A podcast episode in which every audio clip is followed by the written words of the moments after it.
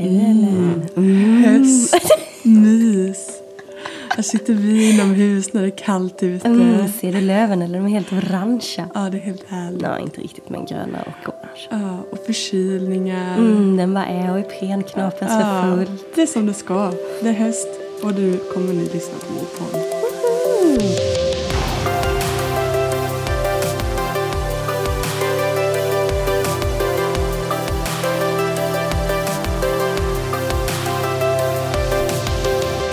ett höstigt intro? Det var vårt försök att göra ett höstigt intro. ja, jag vet inte hur det gick, men det var spännande i alla fall. Hösten har ju verkligen kommit på en gång här nu med Jo, men det hände ju bara på en vecka. Jag vet inte var det kom ifrån. Ja, och sen då det här klara vädret tycker jag är så härligt. Man gillar den här Men det- friska luften. Ja, Det är det bästa. Fast jag tycker inte om att klä på så mycket kläder. Det är ju inte, jo. det är ju din grej. Det är inte min grej. Jag vill ju med... Ja, men jag blir mer sugen på att ut och gå promenader Mm. än på sommaren.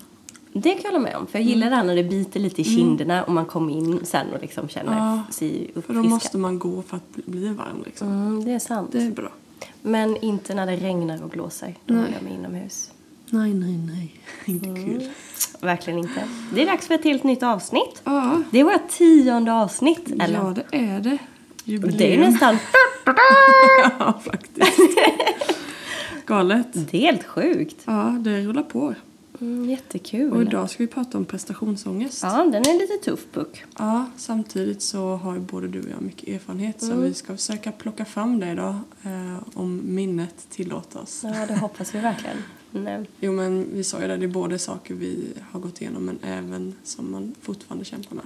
Ja, precis. Det är ju någonting vardagligt skulle jag säga. Ja. För man hamnar ändå i situationer där man får välja lite ibland om man träffar på det. Precis. Så det blir ett spännande ämne. Ja, det blir roligt. Har du haft en bra vecka annars? Alltså ja, det har ju hänt ganska mycket sen vi eh, poddade sist. Ja. Jag har ju varit utomlands Ja. i en Alltså- vecka. Jag var och hälsade på eh, Viktors syster Ja. och hennes fästman. De bor ju nu tillfälligt i New York. Alltså vilken resa. Ja, Och alltså bara det åka var iväg så sådär. roligt. Det var, ju- vi planerades typ en och en halv månad innan kanske, så det är ganska spontant. Ja, väldigt ovanligt det. Jätteovanligt, men det var så kul och så Mm. skönt. Ja, förstår det. Jag är lite avis. Ja, jag gillar ju den staden, så det var ju... Eh, Vad var det fjärde gången nu? ja, Det är lite nästan galet. konstigt när man säger det, men det var fjärde gången. Ja. Men jag blir inte trött, alltså så fort jag och Viktor kom hem bara när ska vi åka nästa gång? ja, men jag gillar verkligen, alltså jag behöver inte gå och kolla på alla såna här grejer nu för de har jag ju sett många av dem. Men eh, Det var häftigt Bara att vara staden. där. Ja, jag bara gillar ja, Jag det. håller med dig. och när man går i Central Park liksom, oj, är jag i en storstad? Ja. Eller är jag i liksom, Djungeln. ja, i djungeln? Kanske inte riktigt, men nästan. Nej, men där var vi och, ehm, och vi hade det riktigt härligt. Mm. Och sen testade vi, vi firade ju bröllopsdag när vi var där. Så att då gick vi ju på Lion King. En musikal. Ännu mer avis. Det var så häftigt, Ellen. Ja. Alltså, dels så var det ju afrikan-amerikaner alltså som var i, i rolllistan liksom. Ja. Och så ibland så sjöng de på afrikanska, ibland var det helt a cappella. Ja. Och hur de jobbade med effekterna så att en hel lejonklippa helt plötsligt kom upp i scenen. Ja. Och en elefant, alltså inte en riktig elefant, men, men människor i en elefant kommer upp ur, se, alltså så här, ur publiken upp Aha. på... Alltså jag, man, var, man bara satt med hakan Ja. i backen hela tiden. Och sen sångerna, du vet bara Wow. Can you feel... Ja. Och man bara oh, I can feel it. Yeah, I totally feel it. Ja, Ja, det var riktigt, det var riktigt häftigt. sjukt nice resa. Ja, det var, det var verkligen en upplevelse. Jag har velat göra det länge. Mm. Och just när Lejonkungen som man nu har växt upp med och kan alla sånger till. Och. Så det var riktigt roligt. Sen var det lite speciellt för Rafiki som är, jag har alltid förstått liksom en, en säger man, hane. Ja, man. Hade de gjort till en äldre kvinna nu då. okej. Och det var ju också lite roligt Ja, sådär. det blir lite annat. Mm, lite annat. Ja, Ja, så det var kul. nice, den måste jag se. Den var, det, man kan ju lyssna på deras soundtrack på, mm på det ska jag Spotify. Gör det, jag rekommenderar verkligen det. Ja. Typ Circle of Life, det Nice. blir så här häftigt. Ja, gött. Ja men det var, det var en upplevelse. Ja, och det var okej att komma hem också. Ja, jo men det var det. Alltså man ville nog inte åka hem först. Ehm, men nu känns det bra. Eller? Men nu känns det helt okej. Vi hade ju en vecka med jetlag. Och med småbarn och jetlag är ingen... Eh, Och så blir du sjuk nu. och nu är jag sjuk. Men det tror jag inte upp med, upp med det. Men annars har jag haft en bra vecka. Mm. Ehm, tycker jag faktiskt. Det är ju lite att komma tillbaka igen. Och Mm. Det var i september vår kalasmånad nummer två. Just så det. det har ju varit massa kalas. Eller många Ni- födelsedagar. Ni gjorde mycket, avklarade mycket på eh, resan. Ja, Under resan var det ju egentligen fyra födelsedagar. Ja. Eh, Men eh, Marta var ju kvar i Just Sverige det. då, Viktors systerdotter. Eh, Men annars var det ju tre födelsedagar. Jag åkte ju på min födelsedag och så var det Chris dagen efter de varandra. Så vi har ätit cheesecake fyra gånger. Mm. Men jag har ätit världens godaste cheesecake. Alltså den var to die for. Ja. Så att, eh, Nice. ja. Nej, det var, det var en bra födelsedagsvecka. Ja. Hur var du efter? Nu har jag babblat på massa här. Ja, det har inte varit, hänt lika mycket kanske. Vad menar du? Eh, nej, men eh, vi har haft, eh, haft bra veckor tycker jag. Eh, liksom i så här vardagslivsveckor och man har hunnit träffa lite vänner eh, och umgåtts. Och eh, sen eh, var vi iväg på lite kalas också på Prison Island i Huskvarna. Just det, det är Ja. ändå kul. Det prat, har vi nog pratat om i någon podd. Jo, men jag tror, ja, precis. Lite Men det var, det var absolut kul. Fångade på fortet. Ja. Så, eh, Men hur, gick sånt. det med magen då? Det gick bra. Jag hade lite atleter i mitt lag som, som kunde göra de här mer fysiska grejerna. Så då stod jag och var lite mer koordinator och bara kom igen, ta den, kör den, du, du, du, du. Så här. Och ibland var jag, fuskade vi lite också så jag gick ut och eh, gick in igen. Eh, Så då hade de ställt sig typ på de grejerna när det var lite så här hinderbana eller så här med Va? larm och sånt. Fuskar du eller? Ja, så. Oj, oj, oj. Allt för att vinna. Och det gjorde vi. Verkligen. Ja, precis. Kanske inte skulle berätta det här Sen men kommer det eh, fram att det är fusk. det ska ju vara ärligt Emily. Vi får lämna tillbaka eh, dekalen här nu då. Ja, Den ni vann. precis. Släktdekalen. Nej men så, eh, ja. Det har varit, livet bara varit över på det är skönt att komma in i vardagslivet lite tycker jag. Mm, men nu är det höst liksom. Mm. In i nystarten nu då. Ja, så det, det är nice tycker jag. Ja, men det, Mm. Det är nog gött. Men eh, nu tycker jag vi går in på ämnet här för att vi behöver tid till det. Mm. Hur? läraren. Som sagt, prestationsångest. Det har vi två ord, prestation och ångest. Vad tänker du på när du har prestationsångest? Vad är din första reflektion? Eh, jag tänker inte på det som ångest som riktig ångest liksom. Nej.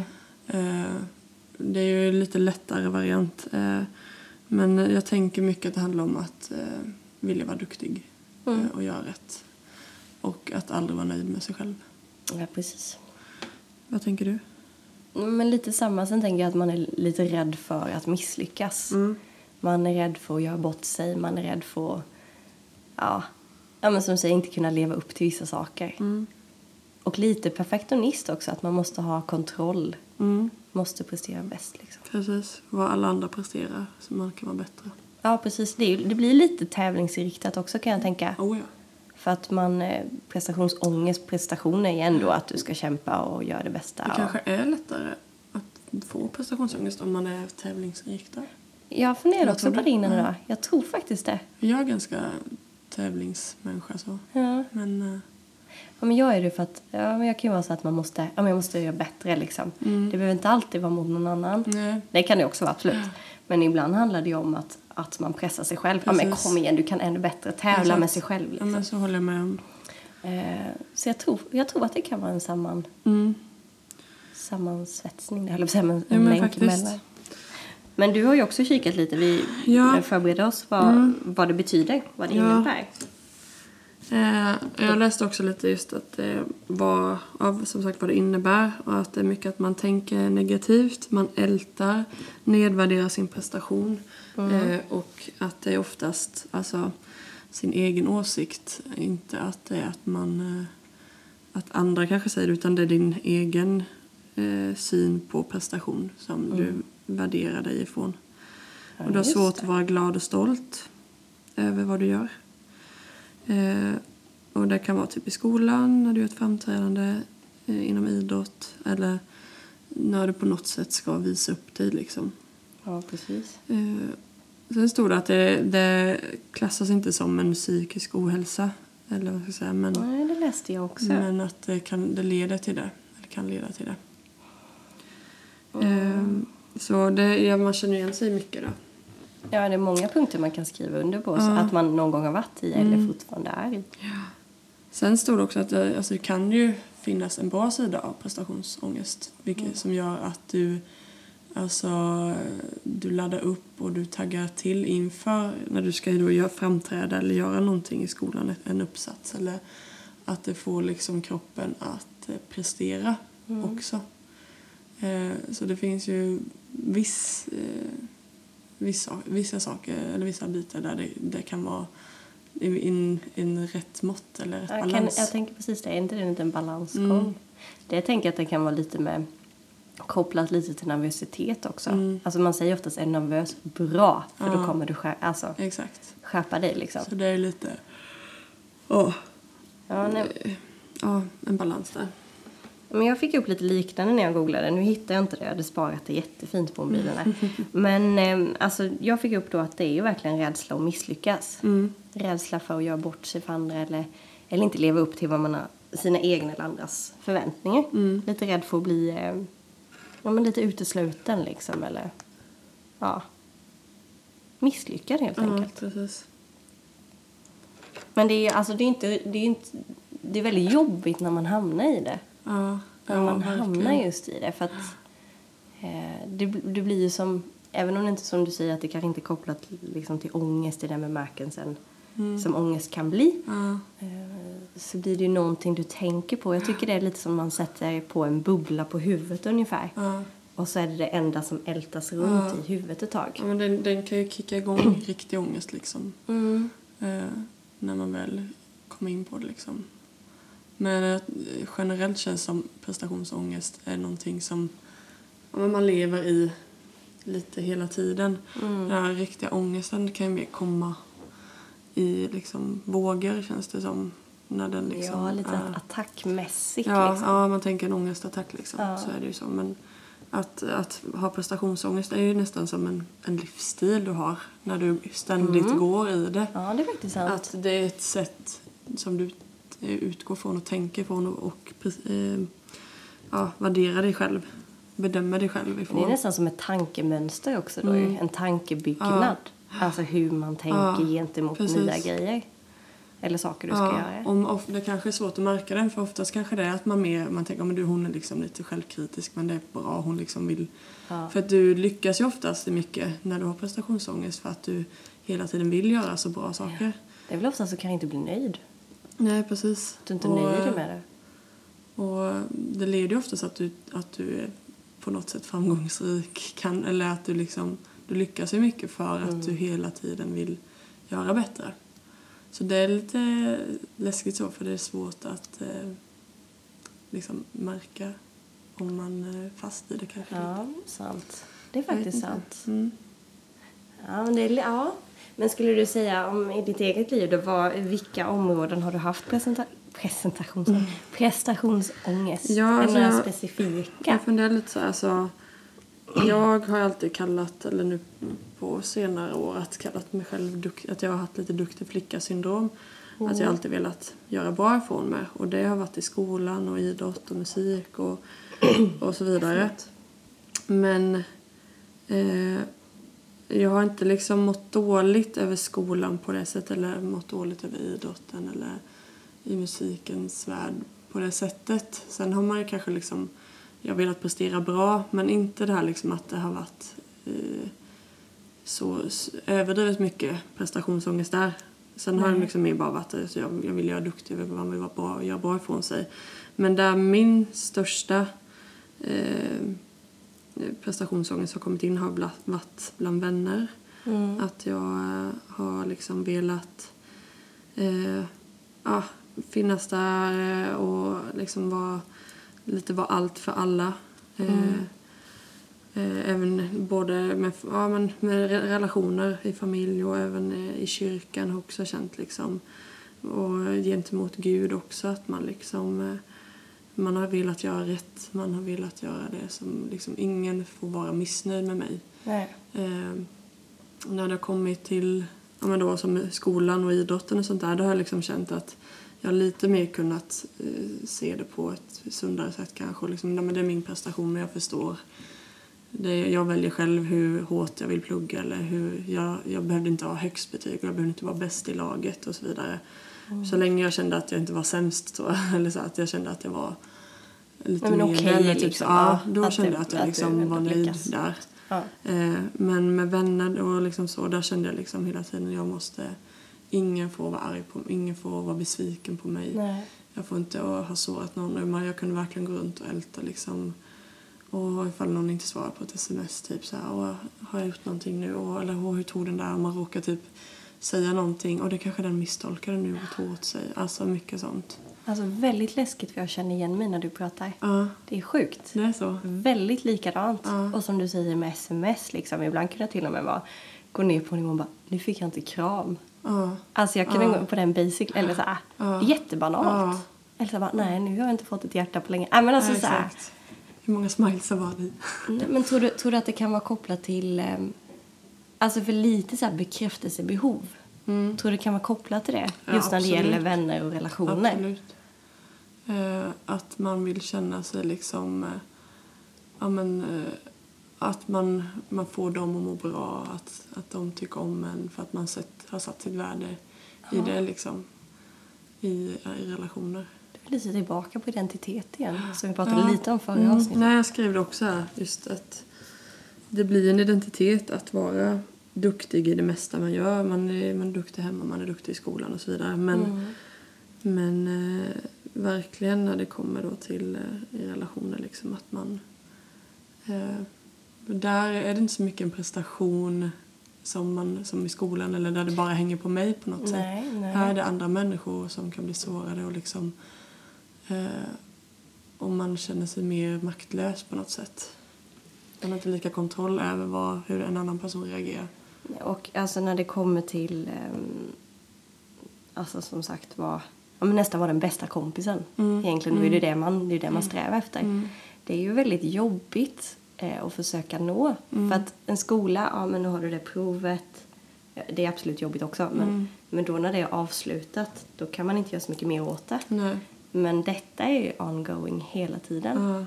Och du är all, kan aldrig vara riktigt säker på om du har nått målet egentligen. Då. Nej, precis. Vad är, har jag presterat bra här? Ja. Och den osäkerheten blir att prestationsångesten ökar ännu mer. Ja. Eller så har det varit för mig i alla fall. Ja, ja, verkligen. Och man blir mer osäker. Ja. Eh, men sen det är lätt att hamna i detta när man är alltså, duktig på mycket och en sån som liksom vill göra rätt. Och jag vet inte vad det är som gör att man hamnar där. Eh, det bör, måste ju börja ganska tidigt. Du menar att man hamnar i att man... Är duktig, liksom, Ja. duktig flicka eller så här. Ja, alltså det är en väldigt, det är en väldigt bra fråga. Ja. För jag kan inte hitta det själv. Nej, eller så jag jag kan kan inte se när det började för mig. Nej, jag kan inte se liksom, eller att jag tyckte det var jobbigt när jag var liten eller så här. Nej. För det blir ju något sånt att, att det börjar runt... Alltså med relationer tyckte jag var jobbigt även som liten eller så här, med kompisar. Jag håller med. Men, eh, men liksom det blir mer tydligt typ när man börjar högstadiet och gymnasiet och den, den biten liksom. Men det kan, undrar om det är för att man, man minns det välare. Mm. Eller om det faktiskt är för att man börjar utvecklas mer och relationen blev lite mer komplicerade när det inte var på lek. Mm. Eller du vet, man lekte med Barbie. Ja, eller, precis så kan det absolut eh, vara. det blir ju mer allvar. Ja, Att det kommer in någonting då. ja, så kan det absolut vara. Um, nej, alltså prestationsångesten kommer ju fram när någonting misslyckas. Mm. Eh, Så länge man är hyfsat duktig på liksom det man gör, eller det vad man nu då utgår från, så då liksom hålls det i schack. Eller liksom vad jag har satt är liksom okej då. Som till exempel på gymnasiet. Men där hade man, jag, hade liksom, jag ville få typ av VG, det är väl ett C eller D då kanske, på allt. Och det var det liksom minimum jag ville ha på allt. Och det klarade liksom för det mesta. Men sen var det ett prov jag liksom fick underkänt på. Och det är typ första provet jag fått underkänt på hela mitt liv. Och det var verkligen så här, då blev det bara... Då kom, kickade det in liksom igen bara, och, och så sa typ min lärare bara, men alltså om du bara vill ha godkänt så måste du inte göra om det för att Nej. liksom, det var inte stor del. Men vill du ha högre betyg måste du göra om det. Och Eh, jag ville ju liksom ha det. Samtidigt var det jättejobbigt att känna att jag måste göra ett omprov för första gången. För då hade jag ju satt liksom en nivå där jag tyckte att det här är okej okay för Då har du satt mig. din ribba då ju. Ja, och där liksom kom under. Det var precis, det har jag ju berättat tidigare det här med när jag hoppade av eh, universitetet. Och Ja, där var det också, det var ett jättestort misslyckande för mig. Mm. Och det var ju också den period när jag mådde som sämst liksom, i hela mitt liv. Eh, så där kommer det in, även om jag nu liksom när jag säger att men visst jag hade inte jättemycket prestationsångest i skolan på det sättet men det var ju för att jag höll mig på den nivån jag Du tyckte höll ju var... dig över ribban hela ja, tiden. på min, ja, på min ribba liksom. Eh, och så kunde det vara i idrotten också när man liksom eh, när man blev äldre och jag inte liksom har tagit lika seriöst, ja men en plats man inte i laget typ. Eller, så, eller ja det kunde vara när man var mindre också. Och då, då liksom helt plötsligt bara, åh nu, då kickar det in liksom. Typ så här. Eller om man gör ett musikframträdande där liksom det brukar gå bra och liksom ibland man kan sjunga lite småfel men när man gör ett större fel då liksom då man känner att "Åh, nu skämde jag ut mig, jag förödmjukade mig liksom. Men det är så konstigt tycker jag för att, att det blir liksom man ser inte riktigt vad som går bra. Man kan inte se det som är bra, det som är positivt. Utan helt plötsligt när det händer någonting som du säger, man misslyckas. Då blir det sån stor grej av det. och världen bara kraschar liksom. Och så har man inte sett vad du då... Om vi säger det här du, liksom, du failade på det provet. Men du kan inte då se hur sjukt bra det har gått på de andra Nej. då liksom. Utan då blir det Exakt. bara det man Ja. ser. Man blir så... Ja, och Ja, det tar upp nu all- ser ni inte vad jag gör mina händer. Vad heter det? Kanalisera. Man ser Eh, bara. Ja, precis. Tunnelseende, Tunnelseende det heter det. Ja. Nej men precis. Så märkligt. Och eh, älta är ju någonting jag har varit sjukt eh, bra på. Mm, att du ältar när något har gått fel då. Ja, Ja. det, och det, det är en sak väldigt stark från min barndom som jag ältar. Det var, jag vet inte vad jag sagt det innan, men då var ma- min mamma skulle lära mig att simma när vi var typ eh, i Danmark någon gång på någon Mm, resa. har inte berättat det i podden det var, ja. Nej, och, då, ja, och då så sa ja, men så, ja, men jag kan lära dig att simma nu när vi är här för vi var på något badhus. Och så, så var jag på lite dåligt humör så jag sa nej. Ja. Eh, och det vet jag att jag liksom ångrade så mycket att jag missade den chansen typ. Och det, jag kommer ihåg hur mycket jag ältade det Ja. jag var liten. Och jag, jag lärde mig simma sen liksom. Men just att jag, jag kunde ju liksom, jag kunde gjort det då. Och, Ja. och det här med älta har verkligen varit något som har fäst sig väldigt mycket i mig. Älta, älta, älta. Det gräver sig fast som en liten krok då egentligen. Ja, just mina prestationer, att man ältar dem och, Mm. och ångrar och att jag inte gjorde så och att det blev fel liksom.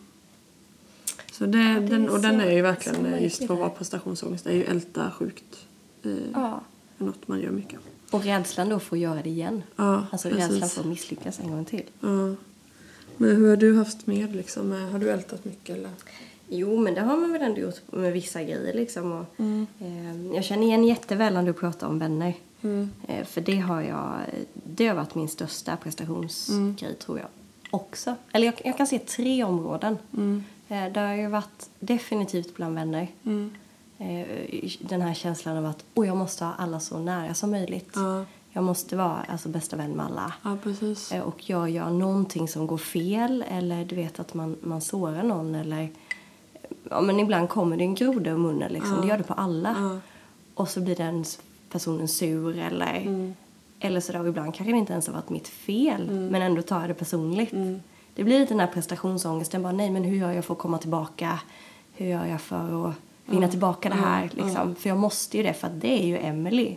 Paketet Emily så står det bra vän. Mm. Och jag vet inte om det ibland är för att man har hört liksom, ja, men, det är jättetacksamt och det, man blir så glad när man får höra vad tacksam jag är för att ha dig som vän. ja. Och det är jättebord. Men ibland tror jag att man tar det så, man sätter sig själv liksom på ett sånt krav sen. Så det är väl en av dem. Och det kan jag fortfarande fightas med. Just rädslan för att vara ensam tror jag. Mm. Rädslan för att vara, inte ha någon. Mm. Får mig att, får mig att kicka igång den prestationsångesten där. Och vara all by Och myself. man liksom. skickar de här smsen bara Åh du, förlåt om, jag, om du tog det här fel. Ja. Verkligen inte... Så Och här. sen är det ju fint att be om ursäkt för saker. Absolut. Men, för eh, ibland eh, så, även om det inte var meningen, så är det jättebra. Men man bara känner igen hur alltså man mår, mår så dåligt Mm. när man skriver de där smsen. Och, nej, det var, helt, och det var absolut inte meningen att de skulle ta det så. Och sen ska man få ett sms tillbaks. Bara, va? Oj, det tänkte inte jag alls på. Nej. Nähä, och här har jag gått runt och mått dåligt nu. Ja, och då kanske man gjort det några dagar. Ja. Jag känner igen det där. Mm. Och det tycker jag, alltså helt ärligt så kan man fortfarande befinna sig i det tycker jag. Mm. Att man, ju- att man eh, inte lika mycket som förr, men ändå att man känner det här att man lever någonstans i det ibland. Mm. Och det poppar upp. Och då bara, men Emily sluta. Då får man nästan säga till sig själv, vad håller du på med? Ja. Du är bara människa. Ja, verkligen. Eh, men det, det, det är verkligen ett område. Och ehm, mitt andra område är nog skolan faktiskt. Mm. För att i väldigt tidigt och speciellt på hög, började väl i högstadiet där när man började få betyg och sådär så satte jag värde, väldigt mycket mitt värde i vad jag gjorde, alltså hur jag presterade. Mm. Jag var ju sån att fick jag inte högsta betyg Mm. då satte jag mig själv som värdelös. Mm. Alltså det var så kopplat. Det är Din jättesjukt. ribba låg liksom på högsta. Min ribba låg jättehögt. Jag var inte nöjd Mm. eh, annars. Och som du säger, man är jätte, liksom, nöjd med det man har gjort. Ja. Men där hade jag en väldig prestationsångest för att jag satte det i, jag satte det i vem jag var. I eh, vad jag presterade. Ja. Och den ångesten då, liksom, jag kommer ihåg när vi, det var till och med på högskolan liksom. Ja. Bara att, ja, när man skulle ha tenta där och man var liksom inne i det här och den här bubblan tentaångest är ju lite kopplat till prestationsångest. Mm. Man bara måste prestera. Men varför? Det- Jag blir ju inte en sämre människa Nej. om det inte funkar. Nej. Eller jag är inte mindre omtyckt. Så det är definitivt. Och min tredje är träning och mitt utseende tror jag. Mm. Eh, hur det kan bli prestations... Det började på gymnasiet. Hur det kan bli en prestation i hur jag ser ut. Ja. Eh, snygghetsmässigt nästan. Eh, att eh, ja, men jag måste... Ett tag var det med löpningen, det har jag ju berättat om innan, liksom, hur det blev den här hetsen. Jag måste prestera bra löpning, jag måste få till så här många löppass i veckan. För att jag måste få de här låren som jag helt har blivit av med nu, men jag är glad ändå. Nej, men alltså, du vet så här, grejer liksom, varför? Jo men om jag känner mig snyggast liksom. Eller om man kan mäta sig, prestera så att man är snygg eller träningsmässigt eller springer fortast eller. Ja men då kommer jag känna mig lycklig. Man kopplar lite det. eh, De två. Så det är nog de, det är tre av dem som jag har kämpat med. Och fortfarande kämpar med ibland. Ja. Eh, som kommer upp. Det är svårt att bli av med det helt. Det är svårt att bli av med det helt. Nu är inte mycket, lika mycket nu som innan men de smyger sig på. Men hur tror du du har liksom tränat bort det så det inte är lika mycket som det var förut? Ja, alltså... Alltså det är ju jättejobbigt att hålla den här balansgången. Och hålla uppe de här, för det blir som man ska jonglera med massa bollar och du får inte tappa någon för att då är du ju misslyckad liksom. Men så var det en um, tjej som sa till mig en gång bara Emily sluta ta dig själv på så stort allvar. Alltså verkligen sa till mig sluta ta dig själv på så stort allvar, det är ingen annan som gör det. Och det fick mig att tänka till. Eh, så här bara, varför, varför tar jag mig... Lev, alltså typ så här, slappna av lite. Ge dig själv, give yourself some slack heter det ju. Ge dig själv lite utrymme. Och inte vara sådär perfekt. Nej, liksom för att det funkar inte. Man blir inte glad Nej. eller lycklig av att man ska jonglera med alla bollar och eh, som vi pratat om annat, ha liksom perfekta utsidorna och prestera så bäst och bästa vännerna. Det är så utmattande. Och det är väl där, det är ju, jag berättade ju för något avsnitt sen, det är ju när jag fick utmattningssyndromet. Prestationsångest var ju också en grej Mm. Som fick det att bara Där ledde ju det verkligen till din utmattning. Ja, så då fick jag ju verkligen eh, eh, lägga om allting Ja. och börja tänka om. Så även om inte prestationsångest är klassat som, som en eh, ja, psykisk eller ja, ohälsa så där är det, ser man ju tydligt att det leder till det. Liksom. Ja, alltså det var ju absolut en sporre. Mm. Ehm, Men, eh, ja, men det var nog de jag fick och sen jag tränar mig fortfarande i det här. En, en grej jag har är ju att jag ju, tycker det är jättejobbigt att stå inför folk och prata. Mm. Det är ju en av mina värsta, värsta grejer. Mm. Eh, och jag tror det, det sitter ganska djupt. Mm. Och jag har hittat grejen, tror jag, varför. Vi, var, vi gick på lågstadiet eller mellanstadiet. Vet, man, skulle, man fick en text Ja. eh, alltså man skulle sammanfatta och sen så skulle du återberätta den för klassen då. Och jag skulle ha om, det gäller att jag säger rätt för jag säger alltid fel. Geisha är en sån som är i Kina. Ja. Det är inte det jag menar. Ja. Utan jag menar geis, geisha, geiser, en sån här som sprutar vatten. Ja, eh, Det är egentligen helt ir- irrelevant. Men ja. Geiser. Gay. Geiser. I alla fall, en Jag sån här ser grej som, är lite, Det är helt irrelevant, men eh, jag kommer ihåg att jag skulle stå där och återberätta den här eh, texten. Och läraren säger till mig, Emily du pratar alldeles för mycket, du säger det för långt. Typ, det här var inte bra. Inför alla. Inför alla säger hon detta. Då, och då var vi typ 27 pers i klassen kanske. Ja, oj. Eller elever. Och det satte sig så hårt. Ja. Jättehårt. Så att eh, det är en, en av grejerna till att jag tycker det är jättejobbigt att prata inför folk. Det kan vara ett bord på 10 pers liksom. Men att någon ska säga Emily, så där kan du inte säga, det var fel. Eller liksom, Har, har du, är det liksom att du är rädd att ha faktafel också? Typ? ja, men det, det Ja. är lite så här prestations, det blir prestationsångesten där. Du ska visa Jag nu. måste prestera. Du ska ha något bra att komma med nu. Ja, lite perfektionist, lite kontrollfreak och så kommer Så det är liksom inte prestationsångesten. behov att så här bara, nu, s- eller, då att du ska vara rolig kanske också. Nej, Nej. ibland kan det väl vara det. Men Ja. eh, nej, det vill det inte vara. Ja. Även då att typ på högstadiet så fick jag ju en motkomplimang liksom att eh, oj, vad duktig du är liksom på, på att prata inför folk. Mm. Eh, men Men samtidigt har jag inte, nej den sitter Mm. inte utan den kroken som sitter är där från mellanstadiet. Ja. Jag vet inte hur det här, men det är lite kopplat till prestationsångest ändå. Just när det kommer till att våga prata för folk då. Ja. För då känner jag att jag måste prestera. Ja men det Bra, säger liksom. du ofta till, liksom, när du ska göra någonting i de sammanhangen vi är i. Ja, oh ja. Så tycker du verkligen det är jobbigt och jag blir så chockad varenda gång. Jag bara, men va? För jag tänker inte att du tycker det är jobbigt. Mm, tycker det är. Men det här är nog en bra träning vi gör nu. Ja. Det är Men samtidigt så är det också väldigt lätt. För det är, Ja, det det är var inget jag så- här. Ja, det, det var dig. Det är så lätt Ja. att prata inför dig. Men det är absolut jätteläskigt att göra en podd och just bara, ja men det är såklart att alla inte håller med oss vad vi säger.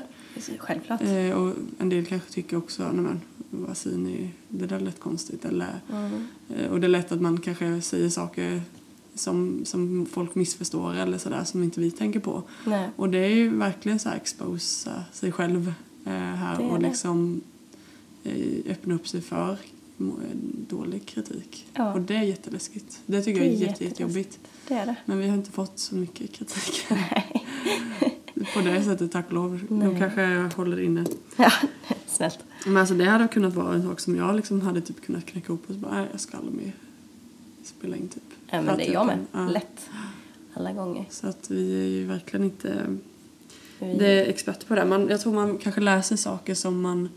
Det är som man känner, men anledningen till varför man gör saker, om det nu är att podda då eller i skolan eller saker man, där man gör någon slags prestation. Mm. Eh, där man själv har bestämt att jag är, jag är bra på det här med, med liksom det måttet jag har. Eller det, liksom, som, det här, är jag nöjd liksom med mig själv. Sen, sen är det ju när man hela tiden börjar tänka vad, hur andra tycker då. Liksom. Mm. Men det första steget är tror jag själv att börja plocka ner vad jag har för krav. Ja, och kanske inte ens plocka ner dem, ibland bara krossa dem. inte ha några ja, alls. Verkligen. För att eh, tillbaka då igen, alltså. mm, Det, när jag fick det här, men ta inte dig själv liksom på så stort allvar. Sluta jämföra dig, liksom, för det tror jag är en bov. Mm. Eh, och med vänner då, jag märkte ju att jag behövde inte hålla på som jag hade gjort innan utmattningen. För jag menar när jag blev utmattad, jag kunde inte hålla igång något. Nej. Det gick ju Nej. inte, det var helt omöjligt för mig. Och då lärde jag mig att ja, men mitt värde liksom sitter ju inte i hur många som skriver jag tycker om dig eller Ja. hur många som jag känner att man är jättetajt med eller Sen är jag Precis. jättetacksam för alla mina vänner, det är jag verkligen. Men, men jag lärde mig någonting där. Och då märkte man att, Jag måste det- tycka om mig själv utan dem. precis, och då tyckte de ju man var roligare också. Eller så. Eh, Otroliga viktiga lärdomar som i alla fall Ja. kan hjälpa en eh, på många steg. Liksom. Sen kan man alltid trilla dit. Liksom. det gör man, man säger inte att det försvinner så. Nej. Det kan jag inte säga. Men... Sen tror jag till exempel med det här med att eh, prata inför folk. Mm. Ehm, mitt andra tips är att våga misslyckas. Det är något jag kämpar med och försöker få lite som motto. Min man är ex, alltså inte expert på att misslyckas, men han är inte rädd för att misslyckas. Och det är ju så, så beundransvärt tycker jag. Ja. Han bara, ja men han hö- höll liksom, när han går fram och predikar och alltid, kanske det inte blir jättebra. Ja. Men så säger, kommer han ner efter, nej det gick inte så bra den här gången. Ja. Och sen typ så Färdig, färdig så, med det. ja, men liksom. han Ja. vågar göra det igen sen. Ja. En annan hade bara, okej jag stänger in mig i tio dagar här och liksom, ska aldrig mer testa på det. Eh, men han är ju inte rädd att få testa någonting nytt. För han är inte rädd för att misslyckas. Mm. Vilket en annan kan vara. Då bara, nej men jag vet inte om jag vågar det här. Tänk om. Ja, Liksom. precis. Ja. Men har, har du några tips? Nu har jag babblat massa här. Ja, alltså... Jag... eh, Det var väl lite då, som sagt, när jag mm, fick den här... eh, När jag hoppade av universitetet som var verkligen den här stora... eh, När det, ja, som slog mig liksom. Och det var ju då man fick börja träna sig och det var ju lite som jag sagt innan man liksom fick börja jobba med sig själv först och så vidare. Ehm, och där fick man ju mycket eh, tips från olika håll. Men för min del var det det här med att jag då stor prestationsångest. Att vara en duktig kristen. Eh, och eh, eh, nu vet jag att alla som lyssnar inte är kristna men är du kristen så är det väldigt lätt att hamna där. Att eh, bara för man är kristen får man inget så här lätt liv och att även i kyrkan kan man känna att man ska vara duktig och, och liksom göra rätt och, och på alla sätt särskilt om man då som jag varit, man är på scen ibland liksom och, och eh, det, det är väldigt utsatt eller så. Eh, och eh, även andra såg mig och liksom mina närmsta vänner lite som de här, men ja, ni är så duktiga kristna och att man liksom fick lite sådana nästan lite den stämpeln då Ja, ju. Eller lite så. Andras krav igen Ja, och eh, att det var också något lite fult nästan så och, och ni, att man var dömande mot andra typ för att man Att ni var dömande. Ja, för att, för att vi kanske gjorde saker då som man ska göra det inom situationstecken. Mm. Eh, och, eh, och då liksom fick man höra att man liksom att ja, men, åh, ni ska vara så duktiga och perfekta. Och det hade ju ingenting mot några andra att göra egentligen. Liksom. Men jag vet att jag tyckte det var väldigt jobbigt att folk såg så på en. För liksom, jag kände bara allt jag har försökt göra är bara göra rätt. Och ändå så tycker människor att jag gör fel. Mm. Eh, och det vet jag sårade mig väldigt mycket när människor sa så. Eh, för då blir det som att du liksom är, du är elak mot människor för att du gör saker rätt. Typ så. Ja, det blir, det blir lite dubbel... Ja, eh, och samtidigt gjorde jag ju inte allt rätt. Eller så här, men eh, jag försökte ju verkligen göra allt rätt. Mm. Men det var ju utifrån att jag ville vara duktig. ja. Inte utifrån att jag ville visa att andra inte är duktiga. Eh, och då liksom blev det så här, att man bara känner hur jag än gör så blir ju inte människor nöjda ändå. Och Hur jag än gör blir det fel ja, då nästan. Ja, och då kommer den här otillräckligheten som jag sagt till dig många gånger när jag Ja. har haft jobbigt ibland och det kommer tillbaka när jag bara känner att vad jag än gör så gör jag ju inte tillräckligt. Nej. Vad jag gör så blir alltid någon ledsen eller så- så blir någon besviken på mig eller tycker att jag är fel. Mm. Och den, den kan vara kvar väldigt mycket fortfarande. Eh, Men vad som gjorde att jag kom ut var ju liksom hur att jag först och främst fick förstå att Gud inte är missnöjd med mig. Han tänker inte så med mig. Han ser ju mitt innersta. Han vet vad jag har för intentioner. Mm. Eh, och han slutar inte älska mig vare sig mina intentioner skulle vara bra eller dåliga. Men på något sätt blev det så här, han, han, han vet i alla fall vad jag tänker att jag vill gott. Men jag, jag gör det på fel sätt för att jag gör det, jag sätter mitt värde i, i det jag gör. Eh, och, eh, så det var nyckeln för mig liksom att, eh, att jag fick liksom lära känna vem Gud verkligen var, vem Fadern är, hans äkta kärlek. Som man har själv lärt känna lite nu när man har blivit förälder. Liksom, hur, Mm. Det är verkligen Ja, speciellt. och, då, har- och då har Gud liksom en perfekt kärlek till sina barn. Vi, liksom, vi föräldrar kan ju Ja. En bråkdel kanske. bli irriterade på våra barn men samtidigt så slutar vi inte älska dem. Ehm, men ja, då liksom fick jag verkligen se och jag läste Bibeln och så för att verkligen se hur Gud, han älskar mig oavsett om jag skulle göra allt bra, allt dåligt eller om jag bara skulle ligga i ett hörn i fosterställning för resten av mitt liv. Liksom. Men inte på grund av dina gärningar egentligen då? Nej. Inte din Exakt, prestation liksom? exakt. Eller duktiga flickan? Ja. eh.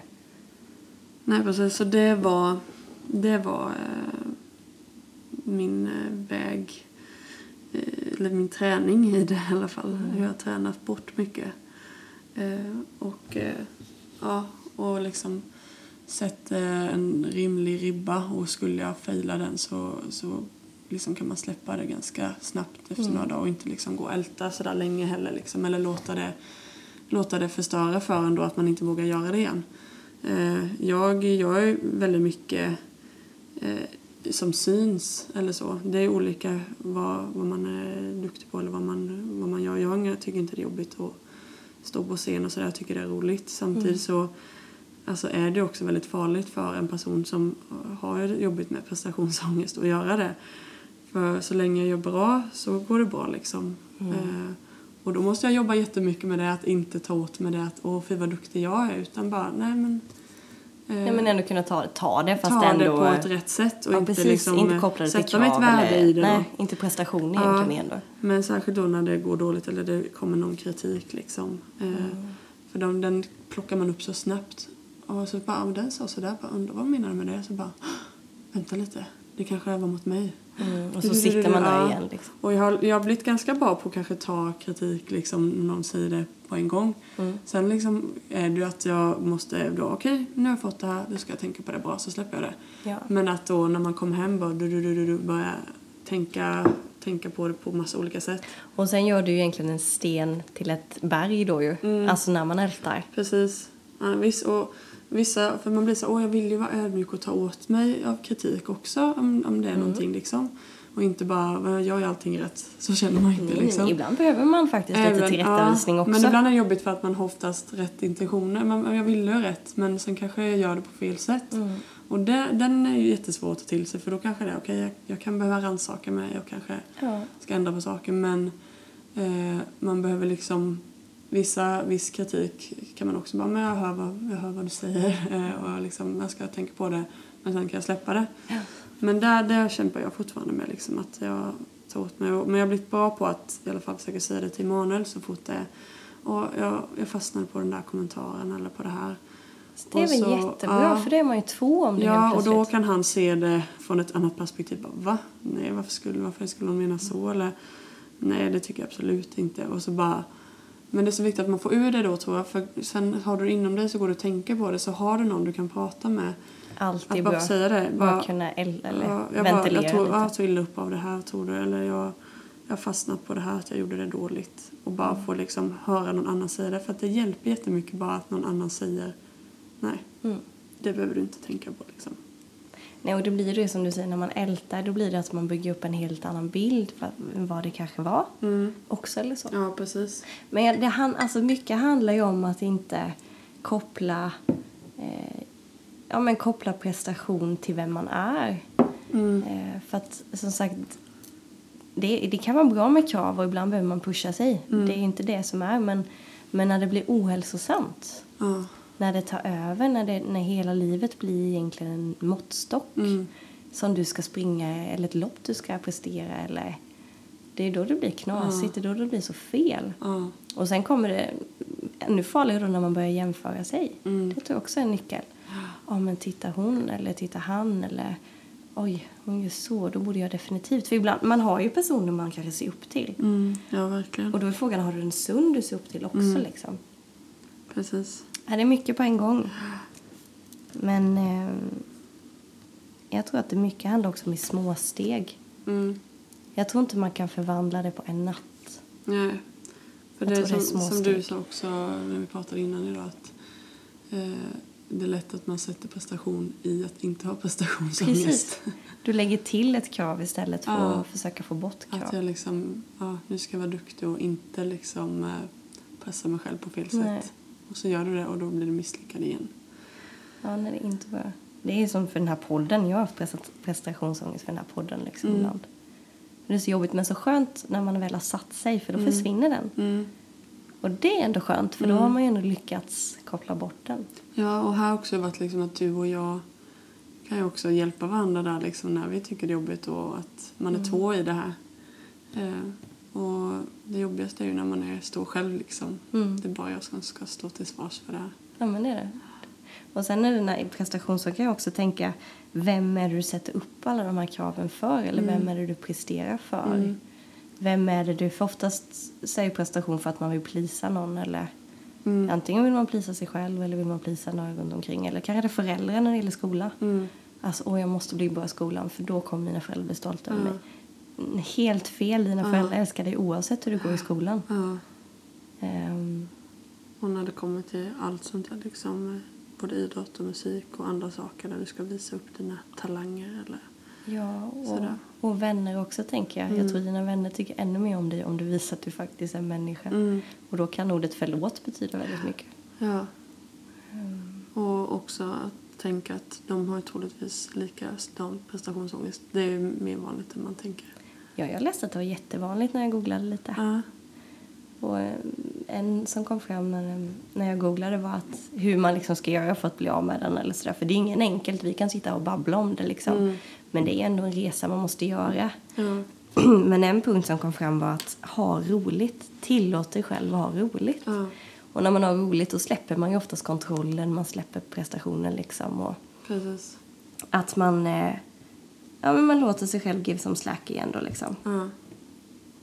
Det fick jag fram som lite och ibland bara stanna upp, andas, reflektera, hur är situationen? Mm. Och någon sa liksom, vad, stanna upp, vad är jag nöjd med idag? Om man, om man vill prestera, om man vill eh, liksom utvärdera sitt, vad man gör. Vad är jag nöjd? Hitta det man är nöjd med inte alltid det man är missnöjd med. För ska man leta misslyckande eller det man inte är nöjd med så kan ju listan bli väldigt lång. Mm. Verkligen. Men inte ofta man gör det, vad är jag nöjd med? Ja. Jag hade också en, när jag läste lite tips så att skriv ner en lista på det du är mest nöjd med hos dig själv. Mm. Allt är bra att göra så här konkreta grejer. Klockrent. Eh, att liksom bara tvinga dig själv att skriva ner saker. Det har min man tvingat mig när, när jag har haft liksom mått dåligt ibland bara. För då jag börjar direkt kritisera mig själv oftast när jag mår dåligt. och är det bara- där du börjar då? Eh, det är när jag kommer dit liksom när jag typ någonting har hänt och sen så bara helt plötsligt kan jag börja kritisera mig själv för någonting som inte ens hade med saken att göra. Nej. Eh, liksom för det blir något sätt att eh, man trycker ner sig själv för att man inte vet vad man ska ta vägen med kanske det som är jobbigt typ eller så. Jag då är, du, då är du det närmaste du hittar Mm. liksom.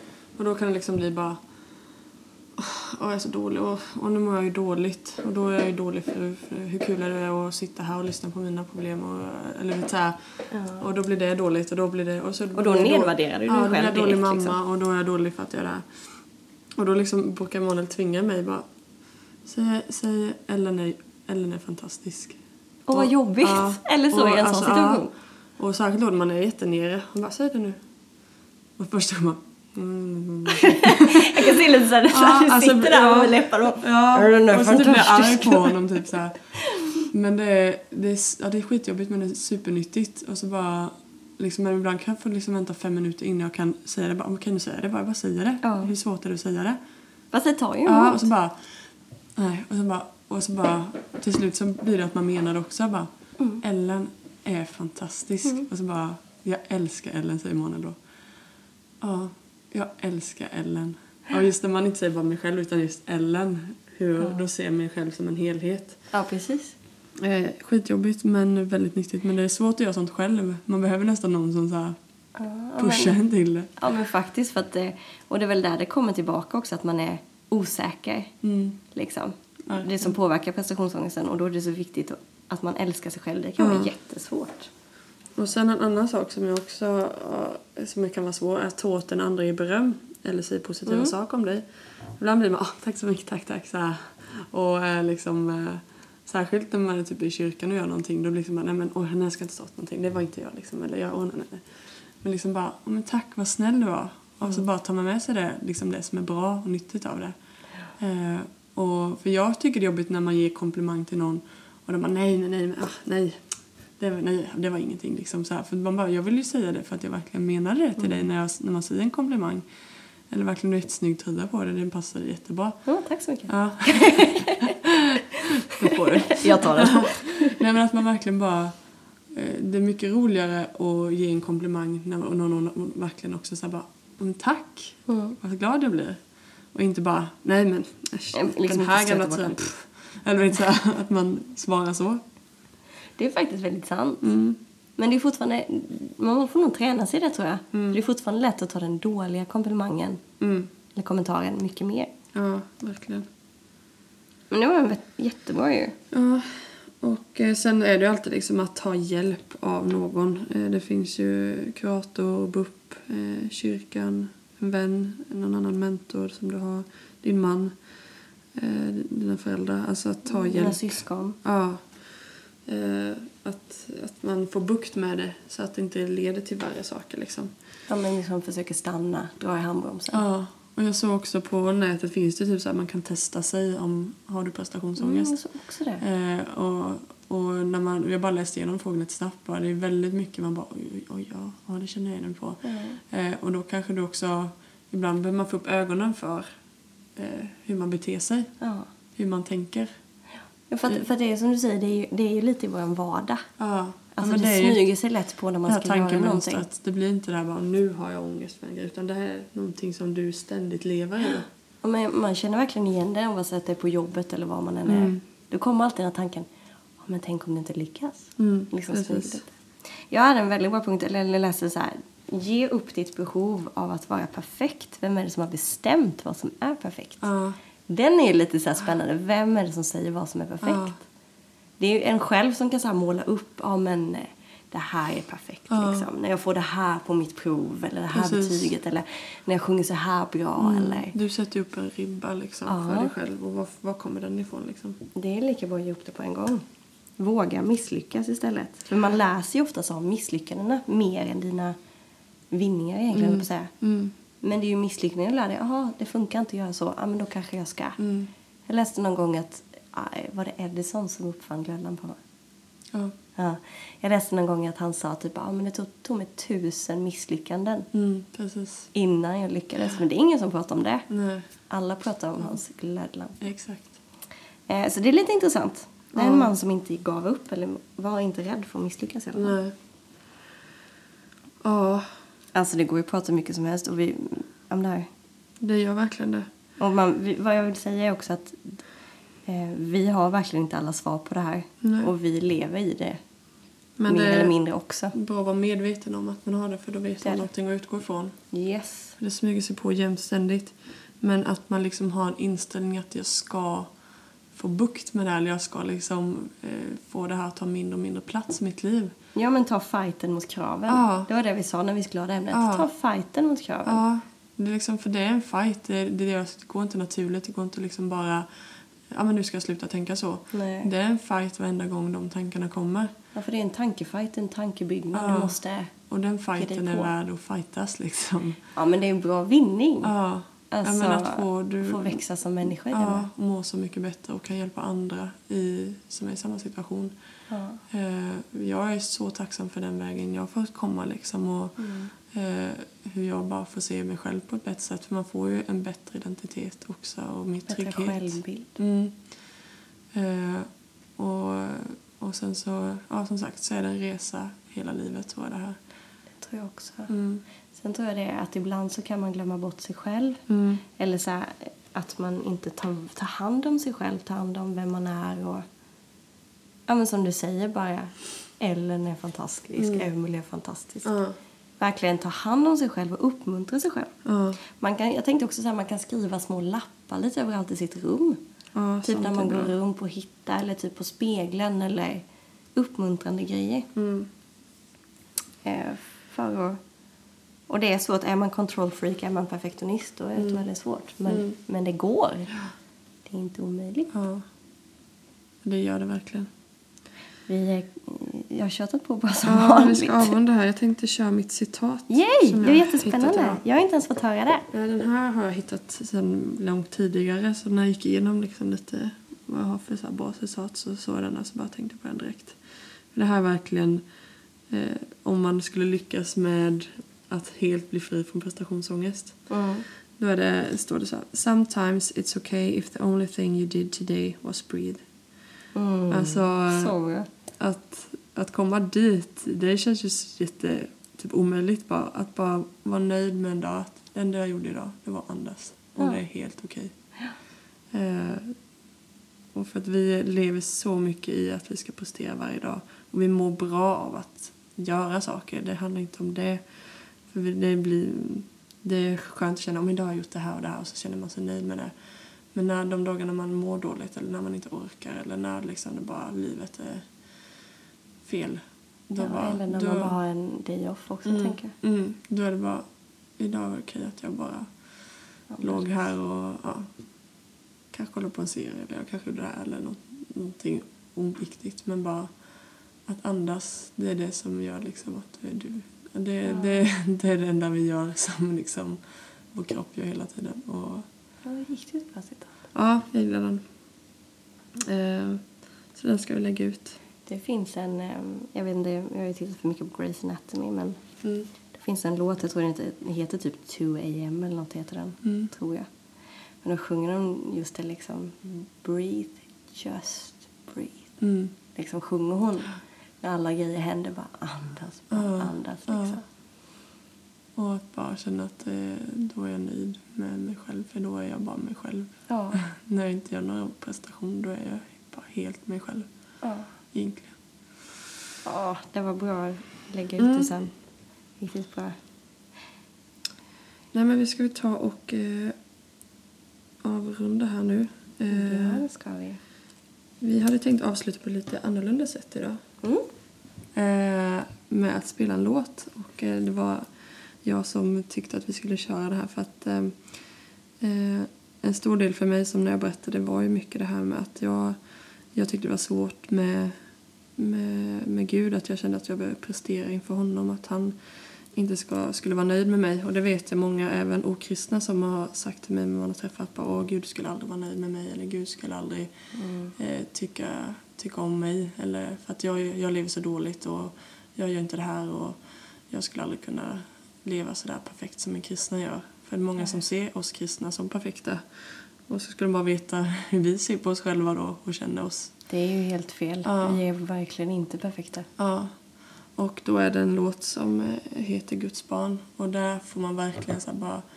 Eh, ja men hur det är att vara Guds barn. Det är liksom... Där handlar det bara om hans kärlek till oss. Och att det finns ingenting vi kan göra som kan skilja oss från den kärleken. Och då bara blir man så otroligt fri. Eh, och bara kan släppa alla de här prestationerna. Och den har varit eh, väldigt viktig både för mig och vet många, många andra. Eh, så jag tänkte, vi tänkte att vi skulle avsluta med den låten idag. Det blir hur bra som helst. Ja. Ja, men alltså för att jag vill bara poängtera att, att som du säger, liksom, men jag kan vara kristen för jag gör det här och det här. Liksom, och sådär. Mm. Men då missar man lite vad, vad kristen faktiskt innebär. Ja. Det betyder att vi kan omöjligt leva upp till allting. Mm. Och det var ju därför Jesus kom ja, och tog allting. exakt. Så att vi kunde vara fria. Ja, Så att den låten, jag håller med dig, den har förändrat senaste halvåret. ja, När man verkligen fattar det. Ja. Jag behöver inte göra någonting. Som du säger, jag kan ligga i fosterställning i ett hörn. Ja. Nej, det är inte så kul. Men jag, kan, alltså, jag behöver inte göra någonting. Jag kan bara andas. Och det är okej. ja, För att, ja. Och hur dåligt jag än skulle leva, hur många dolda synder jag skulle ha eller öppna eller vad som helst. Hur bra eller dålig jag än skulle kunna vara så han, jag kan inte liksom eh, komma ifrån hans kärlek. Den liksom kommer Nej. alltid... man kan eh, inte rymma från det. Nej, precis. Han, den kommer alltid fatt mig. Den kommer alltid vara om, omsluta mig, liksom, flöda över mig ständigt. Och, och som du säger, vi kristna, liksom, vi, eh, vi är ju liksom hos Gud på grund av vad han har gjort, inte något vi har gjort. Nej, men vi kan, skulle, skulle man ens försöka prestera så skulle man misslyckas totalt. Mm. Jag hade inte lyckats, kära mina dagar. Det är liksom Jesus tog allt på korset. Eh. Och liksom bara tog alla våra synder för att vi inte skulle klara av och, och vi kan inte liksom hantera dem själva eller göra oss fria från dem. Nej. Och då känner man verkligen bara det handlar inte om mig. Det handlar bara om vad Det han... handlar bara om honom. Och det är väl därför vi är där vi är idag. Mm, Det ska vi vara ärliga med. mm, Mycket av det vi säger, vi ska ju vara ärligt sant och lite galet. mm, Men ärligheten och sanningen är ju att vi är inte där vi är idag. Vi hade inte varit där vi är idag om vi inte hade fått lära känna honom. mm, Eh, eller rent ut sagt bli räddade av honom. Eh, så att eh, lyssna på låten. mm, Även om du inte är kristen, lyssna på låten. liksom. den är fantastisk. Och eh, så får du fort- fortsätta eh, mysa i hösten. Ta fram en filt, Ja. drick lite te. Ja. Så ses vi om, eh, hörs vi om Vi två hörs. veckor. Det är spännande. Nu ska vi prata om något helt annat. Ja, Ska vi spara på det? det gör vi. Det gör vi. Vi säger puss och kram. Tjingeling!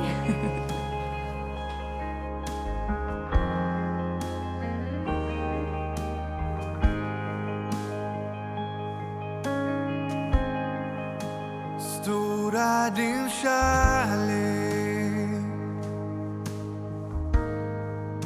Stor är din omsorg emot mig. Du tog mitt faderlösa hjärta. Och du ser vem jag är. Stor är din kärlek.